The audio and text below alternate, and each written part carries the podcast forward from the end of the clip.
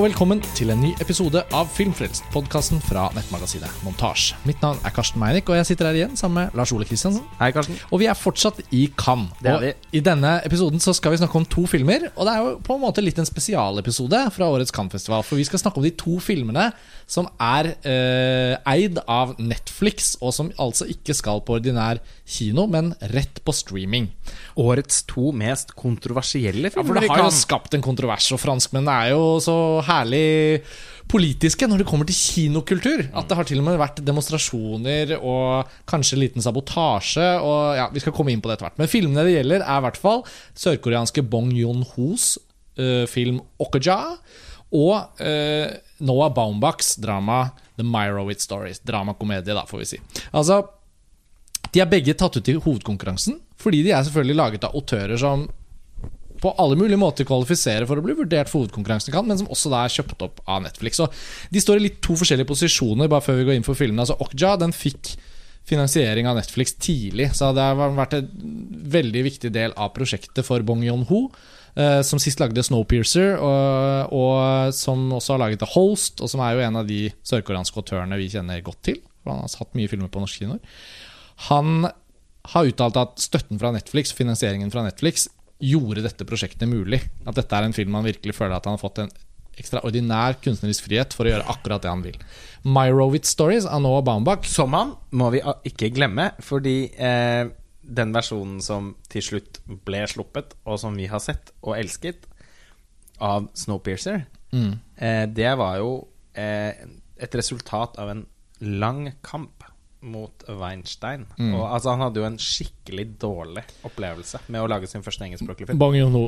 Og, og her er det jo også en koreansk film som også er en engelsk Altså det er en film som går på tvers av landegrenser. Det kommer vi mer inn på når vi begynner å snakke om den. Men jeg skulle også bare skyte inn da at Noah Baumbachs film, 'My Myrowitz Stories, det er en independent-produksjon med Scott Rudin, som er gjort i New York, og som er gjort liksom på klassisk vis, og som etter at den er ferdig, ble kjøpt av Netflix. Så det er litt to forskjellige posisjoner da i forhold til utformingen av filmene og, og støtten underveis og sånn. Men Skulle, skulle dog nesten tro det var motsatt.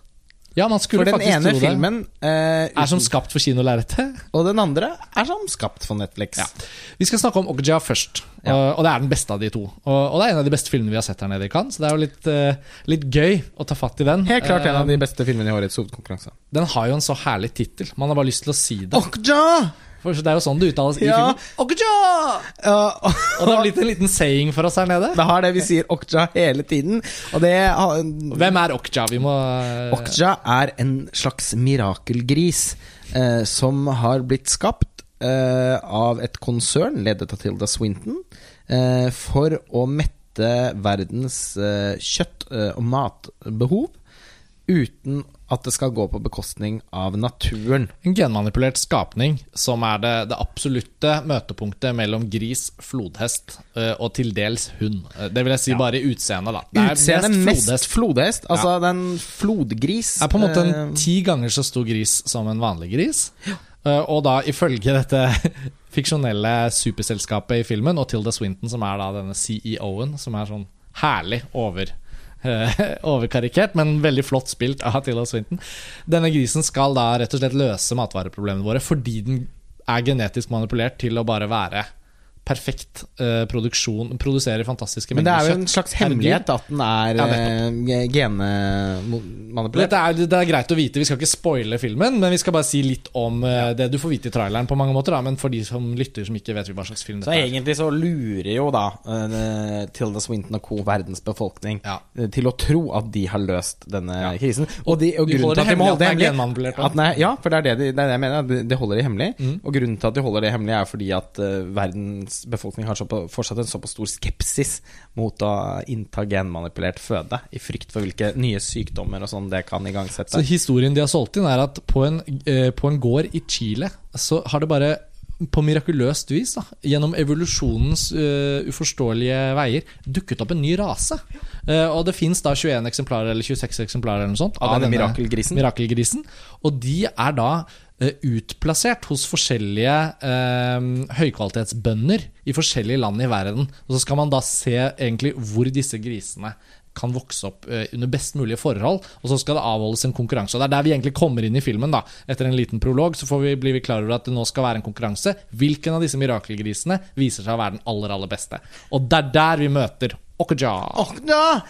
Eh, Som er da mirakelgrisen i Sør-Korea. Ja, og, og, den har, og Okja har en venn eh, som er en jente på sånn 10-11-12 år, noe sånt. Eh, litt sånn herlig castet uh, sørkoreansk jente med litt sånn bollekinn og litt sånn praktisk uh, lugg. Eh, Og som lever litt sånn Ronja Røverdatter-aktig tilværelse ute i skogen. Yes. På den fantastiske gården med bestefaren sin. og som bruker dagene på å være sammen med Okja i skogen. Og vise Okja kjærlighet, ja. leke, finne mat sammen. De første ti minuttene av filmen er sånn helt tro, litt corny, men også Særlig i lys av hva filmen blir. Helt utrolig eh, sekvens som etablerer hvor gode venner Okja og hun her. Og de hun, altså, Det er på en måte alle barns drøm å ha et sånt dyr som de kan ri på i skogen og kaste seg utenfor fjellskrenter Og og, så fossefall.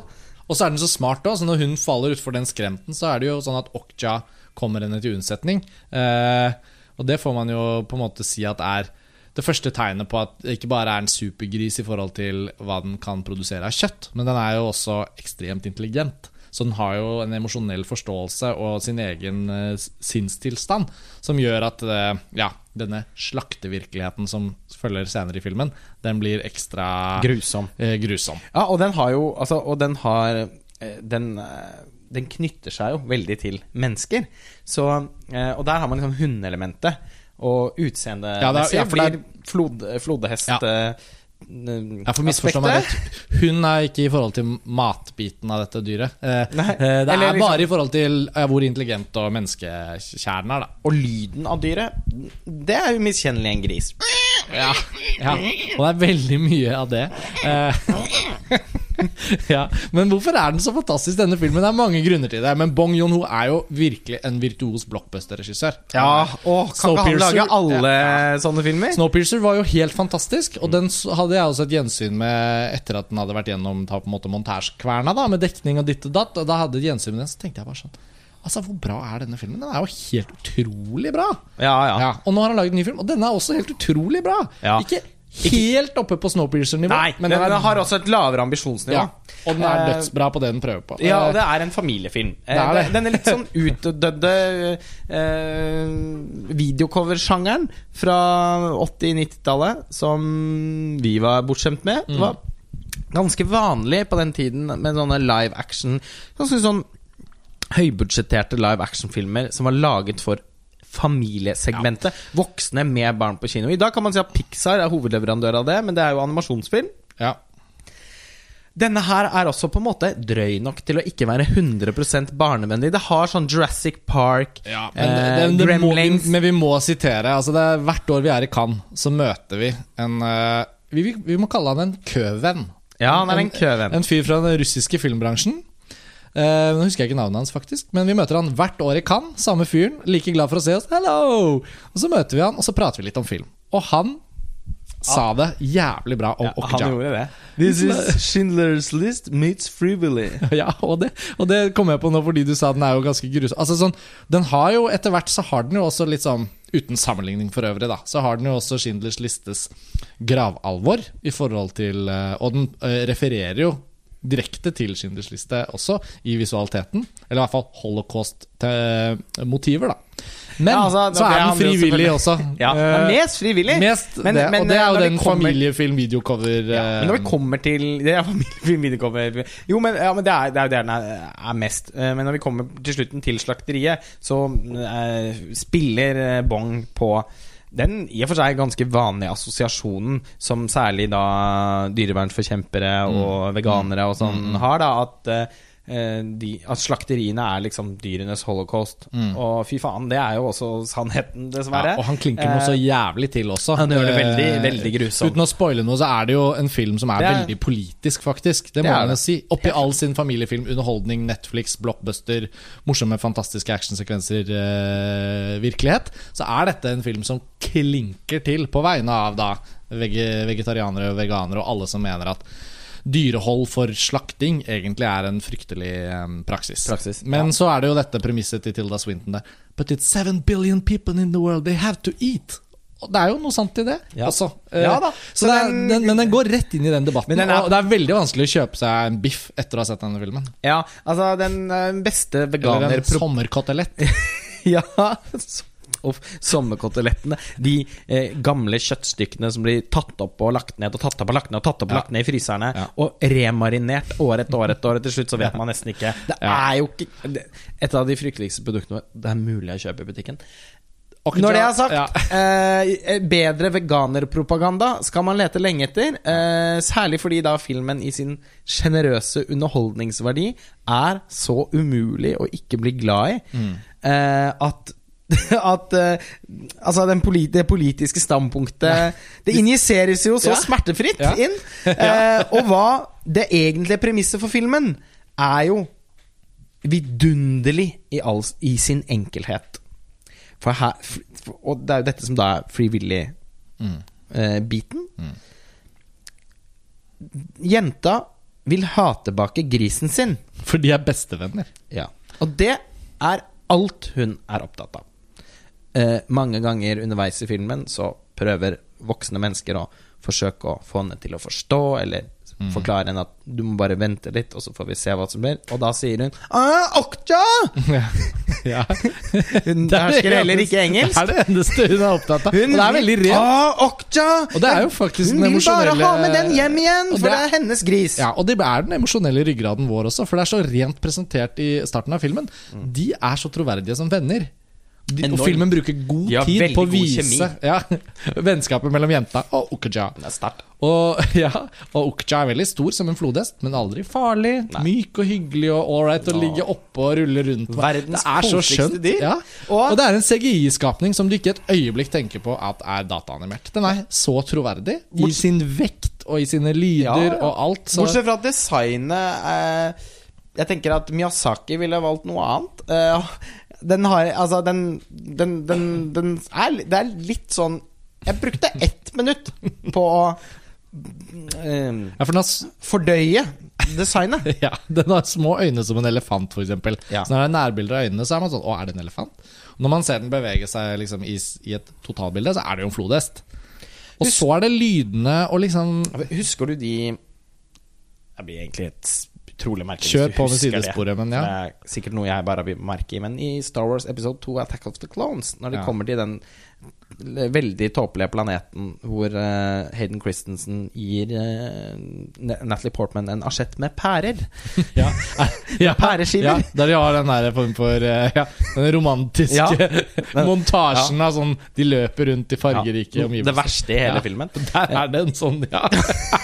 Husker du de, slags vesen. de vesenene i bakgrunnen der? De var For jeg tok jo et gjensyn med episode én 1 og 2 Ja. før The Force Awakens. Jeg klarte ikke treeren. Nei. Men på toeren Toeren er forferdelig, ass. Men ja. Ok. der! De Star var Wars litt. Okja-aktige. Ja, det er men, sant. eh, Ja. men, jo, men, men de er jo litt morsomme. Så Men Okja får jo veldig mye mer tid til å vise seg som en tredimensjonal rollefigur, rollefigur. Og det er tekstur i, i Veldig, effektene og, kjempe, og tyngdekraften, som sier. Ja, og vind og vann, og det er Kjempebra. ingen elementer den ikke passer inn i. Så det er utrolig kult. Og så, når, den, eh, når setupen er eh, ferdig, Mm. og filmen virkelig kan sette fart, så gjør den det helt bokstavelig. Jenta skal ha tilbake grisen, og løper etter grisen. Bilen som, eh, med, med de som har fanget grisen og grisen inni. Mm. For grisen skal jo på denne konkurransen i Ja. New York mot jentas vilje, og det er her Ja. vi er. Ja. Så uh, hun kaster seg i vei og lø Det er en fantastisk scene hvor hun løper Mm. Ja. alt hun kan etter denne svære traileren. Ja. Mm. Og hopper fra tak til tak, opp på taket på bilen. Alt er sånn Du hører smellene, du ser tyngdekraften, du ser at det er mye stuntarbeid. Mm. Ekte stuntarbeid. Eh, metall mot metall. Det er på en Altså, måte sånn- den beste sekvensen vi har sett i Cannes, Fy søren. egentlig. Ja. Det var så bra gjennomført. Og det var så sykt mange sånne Det var, så, det var sånn perfekt actionsekvens hvor du etter et par minutter, når du tenker ja, nå er snart actionscenen over, så introduseres det et nytt element, og så er det sånn Og så er det det, og så er det det, og så er det det. Så Okja var egentlig en helt utrolig kinoopplevelse som ikke skal på kino. Rett på Netflix. Ja. Og, og det- det er jo litt derfor vi snakker om disse to Netflix-filmene samtidig òg, fordi det har vært en diskusjon under festivalen. Eh, Skulle Cannes-festivalen tillate at filmer som faktisk ikke kommer på kino i veldig mange land Den skal ha sånn limited release, begge to, i USA og i Storbritannia. Og Okja skal på, på uh, bred lansering i Sør-Korea. Der tror jeg de virkelig vet at de har et stort potensial, da, med Bong Yon-ho og hele Og Snowpiercer gjorde det vel voldsomt bra, da. ja. Men likevel så, så er jo det, særlig i Frankrike, da, så er det faktisk en egen lov som sier at uh, en kinofilm kan ikke komme på streaming før tre år etter at den har gått på kino. Og Netflix eh, har jo tilbudt seg å Tre år? Ja, ellers så får den ikke sånn lisens. Visningslisens. Men, da? har- men, eller- men er det egentlig da til forsvar for fysisk format, da? Ja, for fransk film. Det er jo fantastisk. Ja, men franske de, de reglene, og det har jo da kommet til overflaten nå under festivalen og stått i bransjetidsskriftene og sånn, det er jo derfor jeg vet det. Jeg har ikke vanligvis går ikke og besitter den kunnskapen sånn detaljert, men det viser seg at en fransk kinolansering skal være så og så mange måneder senere så skal den på DVD og Blu-ray, så og så mange senere skal den på kabel-TV, så og så mange eh, måneder senere så skal den på på en måte vanlig TV. Da. Men og uh, sånn transactional video on demand, altså hvis du iTunes og sånn, det er jo mye tidligere sammen med DVD og Blu-ray. Men streamingtjenesten er da nederst. Og Netflix er jo på en måte streamingtjenesten. Og de eier den filmen. Og sånn som jeg forsto det, så prøvde Netflix å å få den satt opp på kino, men få en egen avtale om at den også kan da komme på Netflix samtidig. Men det har ikke den franske kinobransjen gått med på. Og resultatet til slutt var faktisk at filmfestivalene kan ha bestemt seg for at eh, fra og med neste års utgave, da for de hadde jo allerede tatt med disse filmene i hovedkonkurransene, så kommer de ikke til å ta inn filmer som ikke, går, ikke settes opp på kino i Frankrike. Så et nytt premiss blir rett og slett at alle filmer som skal delta i hovedkonkurransen i Cannes, må være på en måte lovlig sett da, tilgjengeliggjort for kinolansering i Frankrike. Så det kan også bety at vi har fått den siste Netflix-filmen i hovedkonkurransen. Så det har vært det, har ikke, det er en blodseriøs debatt her nede i Frankrike. Og det interessante var at første visningen av Okja her nede, første pressevisningen Der eh, Først så ble det buet på Netflix-logoen da den kom opp. Og så ble filmen vist i feil format. Sånn at Tilda Swinton, som er liksom i åpningsprologen, da, hvor alt dette med selskap og griseproduksjon og sånn presenteres, hun var liksom kuttet, så det var åpenbart at det var feil format. Og etter fem-seks minutter så ble visningen avbrutt og feilen fikset, og så ble filmen satt i gang igjen. Men eh, da, da jeg var på Meyerowitz Stories, så ble filmen Altså det teppet foran lerretet ble trukket fra, og så ble det sendt tilbake igjen og lukket på lerretet da logoen kom opp. Og da ble det buet igjen, så ble det stoppet enda en gang, og så ble den startet om igjen. Og jeg har ikke sett en eneste annen teknisk feil på festivalen i år. Så man får jo følelsen av at da projeksjonistenes fagforening, kanskje, for franskmennene er jo gærne nok til å holde på sånn, Det er veldig fransk å gjøre noe veldig fransk å protestere. Busstreik, taxistreik, akkurat når det er Cannes-festival, f.eks. Det har vi Det har vi opplevd. noen opplevd. Og man føler virkelig at franskmennene er så står så hardt på kinokulturens premisser at de har sabotert litt. Uh, som er jo helt drøyt, men som også er litt sånn Det er jo litt gøy òg, da. Ja, Skaper uh, litt sånn festivalstemning. Ja, så, dette, så, så det er mange grunner til og at det, juryen det har vært litt i riktig å ha tottene på hverandre. Will Smith nettopp, og Pedro Almodovar. Ja. har vært på hver sin side i den eh, konflikten. Så evig diskusjon om, hva, om å beskytte kinovinduet da, og kinovisning av film og sånn, det, det lever i beste velgående. Og, og det ble jo på mange måter da logisk for oss nå å få laget en liten episode herfra om disse to Netflix-filmene. Men uh, Meyerowitz Stories til nå og Bambak har vi jo uh, Rett før vi startet, hvor mange minutter kan vi bruke om den? Ble vi Ja. vel enige om? For det er dessverre en film det er ganske lite å si om. Ja, altså jeg tenker at ingen skal få Skal legge seg gråtkvalte og, og hjemsøkes av mareritt over at den filmen ikke kommer på kino. Eh, den føles jo faktisk, syns jeg, som to episoder av en TV-serie. Eh, Som en pilot som er sånn Ja, mm. kunne jeg kanskje på- sett litt mer av. på, ja, og på, jeg syns det da er på en måte på verste måte, fordi det jeg misliker mest med TV-serier, eh, det vil si i mange av de TV-seriene jeg ikke liker, Mm. Så føler jeg at man brer en, han, en handling som et tynt lag med smør utover en altfor stor skive. Mm. Eh, den, For å bruke Gandalf-metaforen. Ja! Mm. Tenk at den er så innarbeidet at jeg ikke tenkte på at det var Den sitter Ringenes der herre. med, med Bilbo. Ja, Ja. så sant. Men ja. Nei, men uh, den Eller det er vel Bilbo som sier det, faktisk, men i samtale med Gandalf. Ja, sånn var det. Ja. Stemmer. Mm, mm. Den har de her eh, digresjonene og litt sånn langtrukne scenene som ikke beveger verken handlingen eller rollefigurene videre. Mm. Som man selvfølgelig også kan finne i filmer, men som er vanligere i lange TV-serier. Særlig Mm. de som får mange sesonger, og som har en sånn Ja, akkurat i den fjerde sesongen, der var det litt sånn at ikke egentlig noe skjedde. Men, i, men du må se den, fordi i femte Ja. sesong så Og ellers sånn, I episode tre og fire var det sånn at de på en måte bare snakket sammen. Men så i femmeren begynner det å skje ting. Ja. Sånn har jeg hatt det litt med Game of Thrones i noen av de sesongene. Ja, særlig sesong fem av Game of Thrones, for eksempel. Var det, Det mye var sånn sånn- trenering? Ja, og de bare ventet på på en måte Det var som om de ventet på at tidsplanet til en parallellhandling i Game of Thrones skulle komme seg frem til dit, Ja. sånn at de andre også kunne begynne å bevege bevege så seg. satt de og ventet Ja, på den. ja. Så, å! Ja, så løpe stafett, så bare sånn Ja, nei, jeg venter på min stafettpinne, så jeg kan ikke gjøre Ja. så veldig mye annet. Men jeg skjønner at jeg har en scene her, så Ja, men eksakt sånn. Ja. Og, uh, og mest av alt føres da Mary Stories som uh, de to første litt sånn opptaktsaktige, og ikke sånn helt ulovende, men heller ikke sånn kjempebra episodene til en TV-serie. Ja. Så man kanskje da får høre at nå, nei, men også i den sjuende episoden så er det Ja. tar helt av, ser du. Ja. Altså, ja. eh, så, og kanskje hadde Og kanskje Kanskje hadde man kunnet laget et, et, et morsom TV-serie med dette karaktergalleriet. Men- Men, men, de- de beste filmene til Noah Baumbach Ja, for, jeg, for være- vi har jo ikke starta der. Nei, for for det står jo være... ikke på vår Baumbach-interesse her. Nei, den er veldig Det må stor. skytes inn. Vi er jo begge store fans av Noah Baumbach når han er på sitt beste. Han er, ganske, han er litt ujevn. Men han har Eh, hatt en high med Greta Gerwig, f.eks. Frances Ha og Mistress America er jo to moderne mesterverk Ja, to... i, i sin type Ja, ja. film. I amerikansk Oh, film. ja. Hans, Han har- de, to beste filmene han har lagd. Ja, Han har også laget sin aller dårligste film nylig, uh, 'While We're Young'. Den var Som jeg tror er en av de sånn filmene jeg virkelig sånn Hva heter det på engelsk? I despise it. Ja, Eh, Den var- Hat er kanskje å ta i litt hardt, men den var så jævlig dårlig, syns jeg. Men ja. ja den, var, den var det. Men han har også laget The Squid and the- Sjokkerende Ja. at han lagde den mellom Ja, Frances det og, og, og Mr. Så har han jo også imellom der laget da den beste dokumentaren om en filmskaper.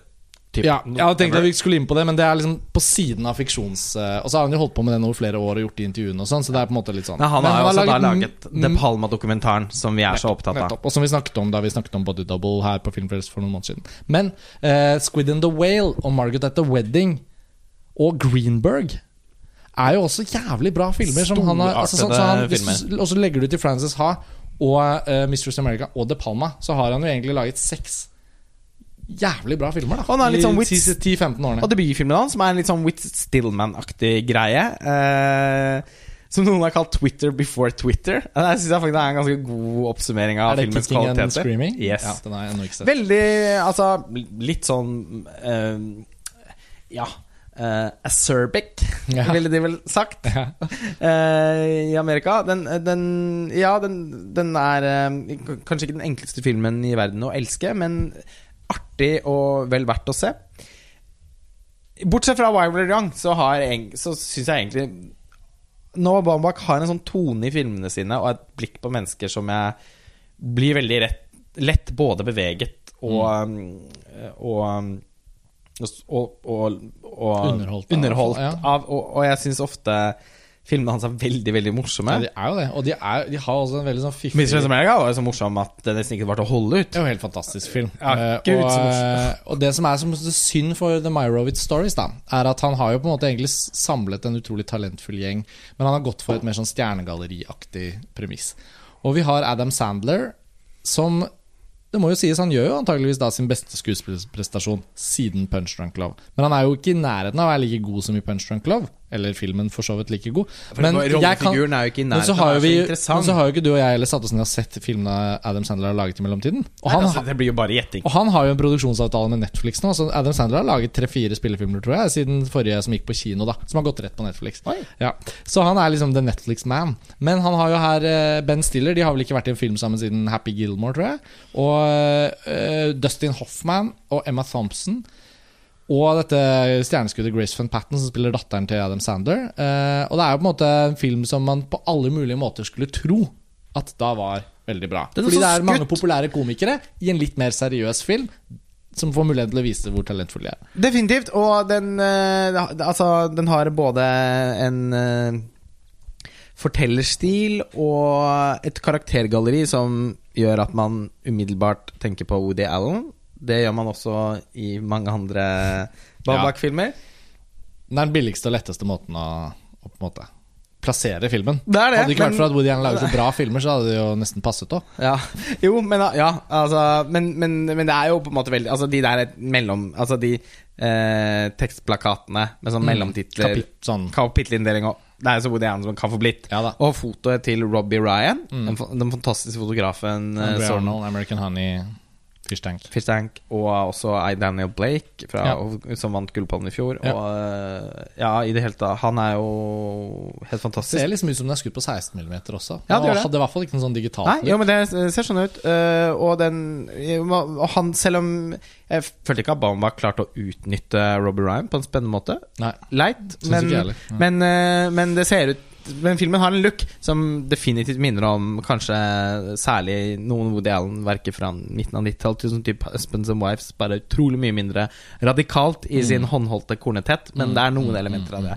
Men, uh, og, og i så måte minner den også mest om uh, nettopp Squid and the Whale, men den er liksom uh, den, den har en ganske lignende type Altså Det er et skikkelig sånn familiedrama. Litt sånn dysfunksjonell familie.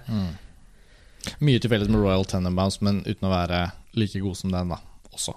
Ja så, Som Baumbach var med og skrev. Nei, han var vel først med på Life Aquatic. Ja. Life Aquatic er. Owen Wilson og Wes Anderson som skrev Ja. ja. Royal Tenenbaums. Men det er jo mye sammenfallende. Altså, det betyr jo uansett at Altså Wes de, Anderson de har mange av de samme historiene de vil fortelle. for Ja, det sånn. altså det er mye fedre og sønner og ja, og det så vi jo i Squid and the Whale, eh, ikke minst, og Margaret at the Wedding. Altså, det er veldig mye Og hvis vi er ser det her, Dette er jo også primært en slags far-sønn-far-datter-historie, Ja. men mest en far-sønn-historie. Ja. Eh, far med to sønner. Nydelig spilt av Dustin Hoffman. Jeg syns han er det absolutte høydepunktet med filmen.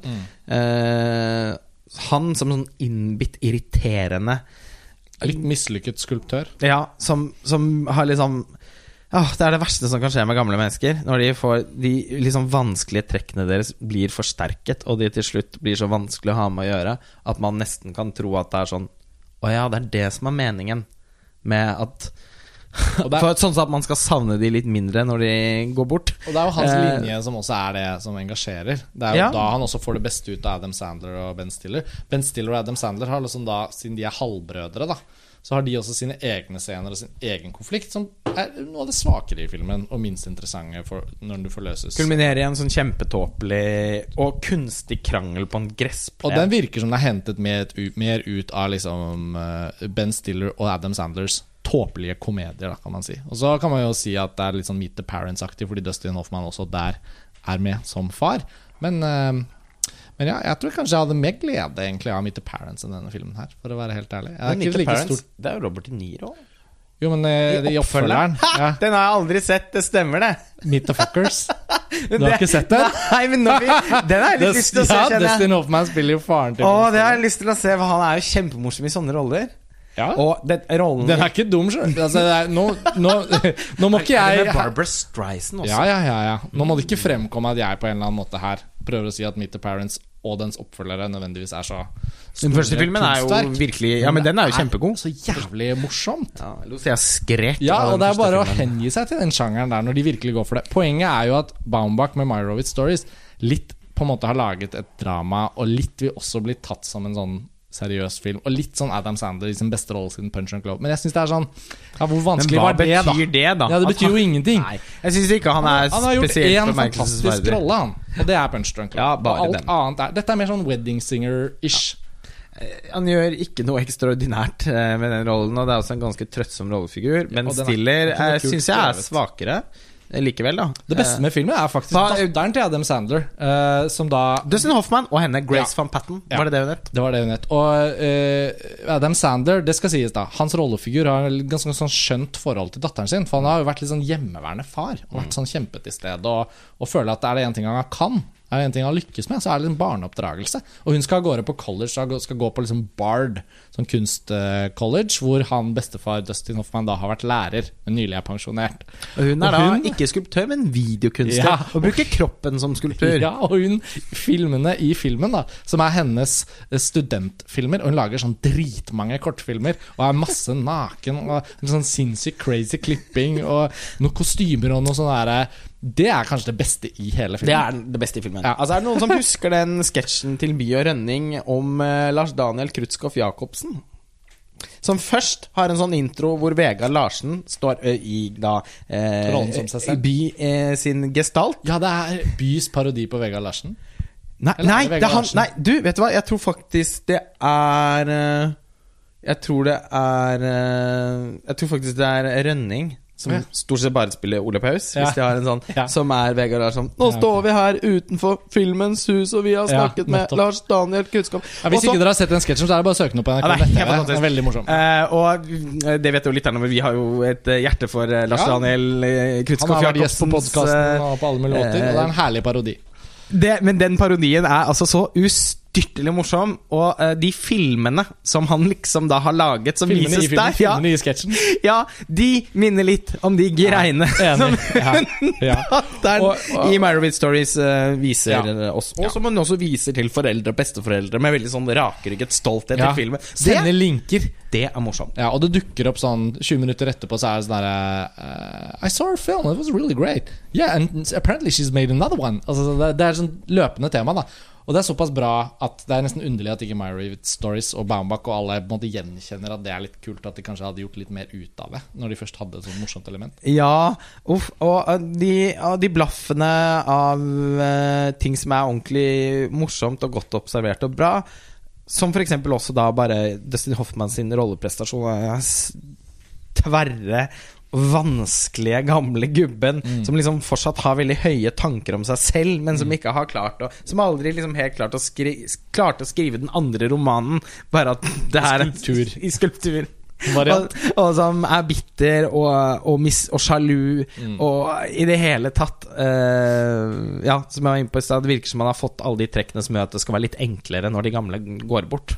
Eh, Altså, dette er jo det og han frustrerer, skaper masse frustrasjoner for sønnene sine, som har særlig Adam eh, Ikke Adam Sandler, særlig mm, Ben Stiller. Ben Stiller-karakteren har et litt sånn kronglete forhold til han, men han har også blitt den mest ambisiøse Mm. av de sønnene selv, og på en måte eh, det Han føler at Eller han er på en måte den faren nok kanskje er mest stolt av, samtidig som de har det vanskeligste forholdet. Men filmen tror nok at den klarer å si noe langt dypere og mer innsiktsfullt om fedre og sønner og familie og generasjoner enn den faktisk gjør. Ja, for den gjør ikke det. Nei, og det er det som er på en måte filmens store svakhet. Det er sagt bedre før. Ja, det er sagt bedre før, men det er også sagt bedre før av Baumbach. Mm. Og liksom ja. Så uh, summa summarum så føler jeg jo liksom at My Rovid Stories er en veldig slight hovedkonkurransefilm eh, som uh, har- ikke engang føles som den er lagd for det store lerretet. Jeg syns ikke. Jeg syns ærlig talt på ikke den. Jeg synes ærlig talt ikke den har noe her å gjøre. Nei, men Med tanke på Okja hvor har mange det. Okja har det definitivt, men den ser ut som det, Den er jo laget for kino. Mm. Eh, det, men, men ikke sant, hadde man mislikt for de som eh, Ja, det finnes jo ikke så mange av de, men hvis noen hadde mislikt now, uh, Squid and the Whale, så kunne man Mm. sikkert også Å, hva gjør de på en liten fi-» Men det er likevel mye mer sofistikert Ja. i, i formspråket sitt da, enn hva den Det er noe sånn televisualitet over en del av måten annet filmen er klippet på. Ja. Marvel Story som, og, og de her som jeg var inne på innledningsvis, disse longørene underveis som bare Alt det døvkjøttet, det var jo to timer, kunne vart 80 minutter, Seg, og som trolig vært en bedre film. Ja, men så tar den seg heller da ikke tid til å puste innimellom. Så det som hadde kledd filmen, var å nappe vekk store biter, men også utvide da noen sånne pauser, noen steder hvor faktisk vi får bare tilbringe litt tid med. Det er det som også skaper Men treng- cinematisk trenger- stemning. Ja, men den trenger mer humor. Og, Ja, nettopp, men, men sånn, ta, være- ta, ta Frances Ha, da, for eksempel. Det er også en sånn veldig kvikk og vittig film hvor, hvor dialogen fyker av gårde. og Sånn. Det den er jo så full av morsom. cinematiske, visuelle ideer og måter å skape liksom, egentlig da et filmisk rom på, hvor dialogen kan puste. Og bli mye mer levende. Og humoren kan komme snikende på en helt annen måte. My Rovid Stories føyer seg mer til den klassiske sånn her, litt sånn hammerlignende amerikanske filmkomedien, hvor det bare skal leveres, da. Her i dette tilfellet eh, verbale jokes. Liksom masse sånn kvikk dialog som skal få deg til å le. Men den stopper jo ikke opp for punchlines heller, liksom. Så da blir det jo verken egentlig morsomt eller god dramatisk fortelling, for den har ikke pausene til at vi får lov å tilbringe noe tid med karakterene. Og i tillegg klarer den å være lang. Så det er på en måte ganske mange fails på rad der. Den har de kvalitetene vi har vært inne på, Dustin Hoffman etc., etc. Men den er jo da, og det blir den jo, for nå er den det, en rett på Netflix-film. Og premieredato for Meyerowitz Stories er ikke satt, fordi det kan hende de skal ha en Oscar-kampanje. eller noe sånt Så det er mest sannsynlig at det blir på høsten en gang. Oscar-kampanje? Jo, men amerikanerne og den skal Det er Scott Rudin som har produsert. Hvem er det de har tror på her? Nei, det, men vi må, får se. det burde være Dustin Hoffman i, blir- birolle i så fall, Ja. ikke noe annet enn det. Det blir sikkert i hvert fall en limited release på kino i USA og England i forbindelse med Oscar-kvalifisering og sånn, og så kommer den på Netflix. Men det lytterne kan glede seg over, er at Okja den har premieredato satt på Netflix. Den Ah, har, Okja! Okja! Den har premiere i slutten av juni. Jeg husker ikke akkurat datoen, om det er 28. eller 26. eller noe sånt. Så, så for de som har hørt på det, nå har vi jo ikke hatt noen spoiler i denne episoden, så jeg håper alle har hørt på og kost seg med i hvert fall anbefalingen av Okja. Og så kan man kaste seg over den som en sånn skikkelig sommerblockbuster på Netflix, da. Og så kan man en søndag, man er litt fyllesyk i oktober, eller når det blir, Mm. ta fram en pose med noe snacks og en, Men da, det, det som er en, en brusflaske, Ja. og se Myrowitz Stories med Men litt sånn bare hvis man har sett Frances Ha, for den ligger nemlig også på norsk Netflix nå. Hey. Og jeg, jeg, jeg, blir veldig lei meg hvis noen av lytterne våre velger å se Meyerowitz Stories på Netflix uten å passe på at man i det minste har sett Frances Ha først. For selv om det er en veldig populær film blant de som har sett den, så tror jeg det er veldig mange som ikke har sett den. Men du tenker på at Mistress America kom ikke, har ikke blitt sluppet på fysisk format i Norge? Nei, Det er jo også veldig trist å tenke på. Den gikk kan på man, kino. bare, å, man kan bare få den på Blu-ray fra USA. Ja. Sone 1 Blu-ray, som Ja. nesten er som, det ikke er Vi har et sonefrie Blu-ray-spillere, men det er ikke så mange som har det. Nei. Så, uh, så Se de bra. Baumbach-filmene før dere ser My Stories. Story. Hvis jeg skulle få skyte inn en ting. Igjen en sånn film som man irriterer seg over at tar opp en plass i den hovedkonkurransen. Ja da, ja da. Eh, uten å nevne navn og titler, så kjenner man jo til prosjekter som eh, den har blitt valgt foran, Ja. og man kan nesten ikke skjønne hvordan ikke de kan være mer spennende. Den har nok kommet hit på stjerne, stjernekvota. Thierry tror ville ha de på den eh, røde løperen, og det har vi jo også vi, har, eh, vi kjenner jo folk som har jobbet med andre Med sideprogrammer i, i Cannes, eh, og som eh, Ja, det er, det er ikke bare én stemme som har fortalt oss at uh, Thierry Fremont er ganske mye mer kommersielt orientert enn det han liker å framstå som. Programsjefen her nede i Cannes, Mm. altså. For de som ikke vet hvem han er. Um, vi skal avslutte denne episoden. Det er kanskje første og siste gang det har vært Netflix-filmer da i hovedkonkurransen i Cannes. Vi får se hva det egentlig blir til da til neste år. Eller om det kommer til noen enighet mellom Netflix og den franske kinobransjen. Uh, vi har fortsatt festivalpodkaster vi er uh, svangre med, så det kommer mer. Takk for at dere hører på Filmfrelst nok en gang, og sjekk ut Okja på Netflix i slutten av juni. Mirakelgrisen. Mirakelgrisen. Ha det bra. Ha det bra.